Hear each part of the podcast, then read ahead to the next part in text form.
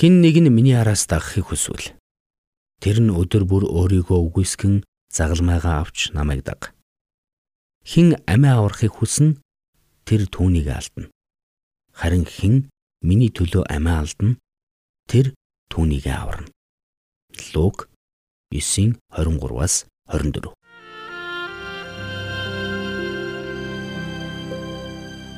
Мэргэний сонсог, мэдлэгийн тэлэг. Ухаалх нь мэрэгэн өдөр төмжийг мөн авах. Доктор Харалт цаалогийн мэрэгэн зөвлөмж нэвтрүүлэг.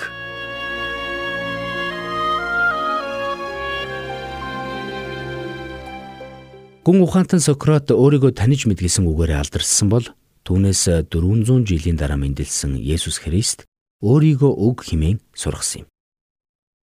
Өөрийгөө таних мэдэх болон өөрийгөө өгөх хоёр хоорондоо эрсдэс ялгаатай гэдгийг би энд онцлмоор байна. Өөрийгөө таних мэднэ гэдэг чухал. Гэхдээ ихэнх тохиолдолд бид өөрсдийгөө таних мэдсэн ч олж мэдсэн зүйлдээ сэтгэл хангалуун байж чаддаггүй. Тиймээс Сократ өөрсдийгөө таних мэднэ гэдэг нь тимч таатай хэрэг биш хэмээн онцлсан байдаг. Гэхдээ өөрийгөө таних мэдэх болон өөрийгөө байгаагаар нь хүлээн авах хоёр хоорондоо ялгаатай гэдгийг бид ойлгох хэрэгтэй. Зарим хүмүүс өөрийгөө таних мэдэх гэж эц төгсгөлгүй аялал хийдэгч өөрийгөө хизээч байгаагаар нь хүлээн авч чаддаггүй. Тиймээс ч тэдний аялал дуусасгүйгээр үргэлжилсээр байдаг.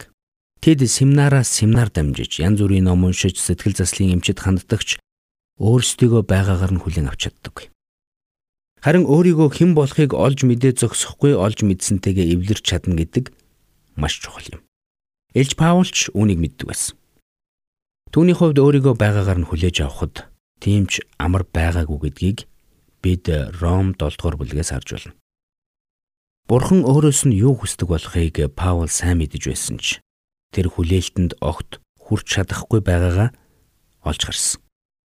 Тиймээс ч тэр би юу үйлдэж байгаагаа өөрөө ч ойлгодоггүй. Учир нь би хийх хүсэлтэй зүйлээ хийдэггүй. Харин үзен яддаг зүйлээ хийж байна гэсэн байдаг. Тэрээр мөн үргэлжлүүлэн хэлэхтэй.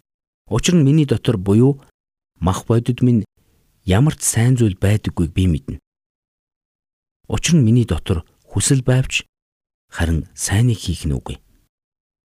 Би өөрийн хүсдэг сайныг хийдэггүй харин хүсдэггүй бузар муугаа хэрэгжүүлдэг гэсэн юм. Таач бас Паулийн энэ үгтээ санал нийлэх байх. Бид өөрсдийгөө байгаагаар нь хүлээж авах үед үнэндээ бидний байгаа байдал бидэнд тэр бүр таалагддаггүй. Учир нь бид бусдыг хийлээ гэж буруутгадаг зүйлээ өөрсдөө ч хийдэг. Хэрвээ олонний өмнө дэлгэцээр харуулах юм бол ичиж өхмөр зүйлсийг бид олонтой үлдэж байсан. Тэгвэл тэр бүх ичгүүртэй үйлдэлүүд маань ч бидний бодит байдлын нэгэн илрэл юм. Өнөөдөр орчин үеийн сэтгэл судлаачид болон зарим нэгэн теологчид хүмүүсийг өөрийгөө байгаагаар нь хүлээж авахыг ятгахдаа өөрийгөө ойлгож өөрийгөө хүлээж авах тухай ярьдаг боловч Есүс Христийн тухай огт ярьдаггүй. Гэтэл үнэндээ бид өөрсдийгөө зүгээр нэг байгаагаар нь хүлээж авах ус. Харин Есүс Христийн дотор байгаагаар хүлээж авах нь чухал юм. Есүс бидний хүн нэг бүрийг хинээс ч илүү сайн мэддэг. Тэгсэн атлаа тэр биднийг буруутган зэмлээгүй. Харин бидэнд өөрийгөө өг хэмээн тушаасан. Гэтэл энэ нь бидний төрлөх мөн чанартай зөрчилдсөн тушаал юм. Учир нь бид авахыг хүсдэг болохоос өгөхийг хүсдэггүй. Бид бусдаар үйлчлүүлэх дуртай болохоос бусдад давуугаар үйлчлэх дургүй. Гэтэл эзэн Есүс бидэнд хандан хин нэг нь миний араас дагахыг хүсвэл тэр нь өдөр бүр өөрийгөө үгүйсгэн загалмайгаа авч намайг даг. Хин амиа аврахыг хүснэ тэр түүнийг алдна харин хин миний төлөө амиа алдна тэр түүнийг аварна хэмээн альцсан юм. Бидний хувьд өөрсдөө эхлээд бурханд дараа нь бусдад өгөх учиртай юм. Харин үүний хамгийн гайхалтай нь бид өөрийгөө бусдад өгснөөр бидний хуучин мөн чанар өөрчлөгдөж байдаг. Паул үүнийг шинэ хүн болох хэмээн тодорхойлсон байдаг юм. Үнэхээр Есүс Христэд итгэх итгэлээр бид урдынхаасаа тис өөр цоо шинэ хүн болон өөрчлөгдсөн юм.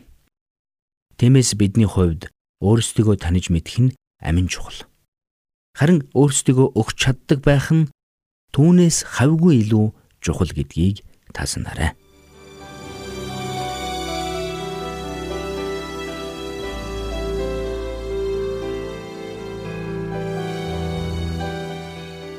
Мэргэн нэгнийг дагвал мэргэн, мулгуутай нөхрөлвөл хорлол. Доктор Харалт Салигийн мэргэн зөвлөмж нэвтрүүлгийг танд хүргэлээ.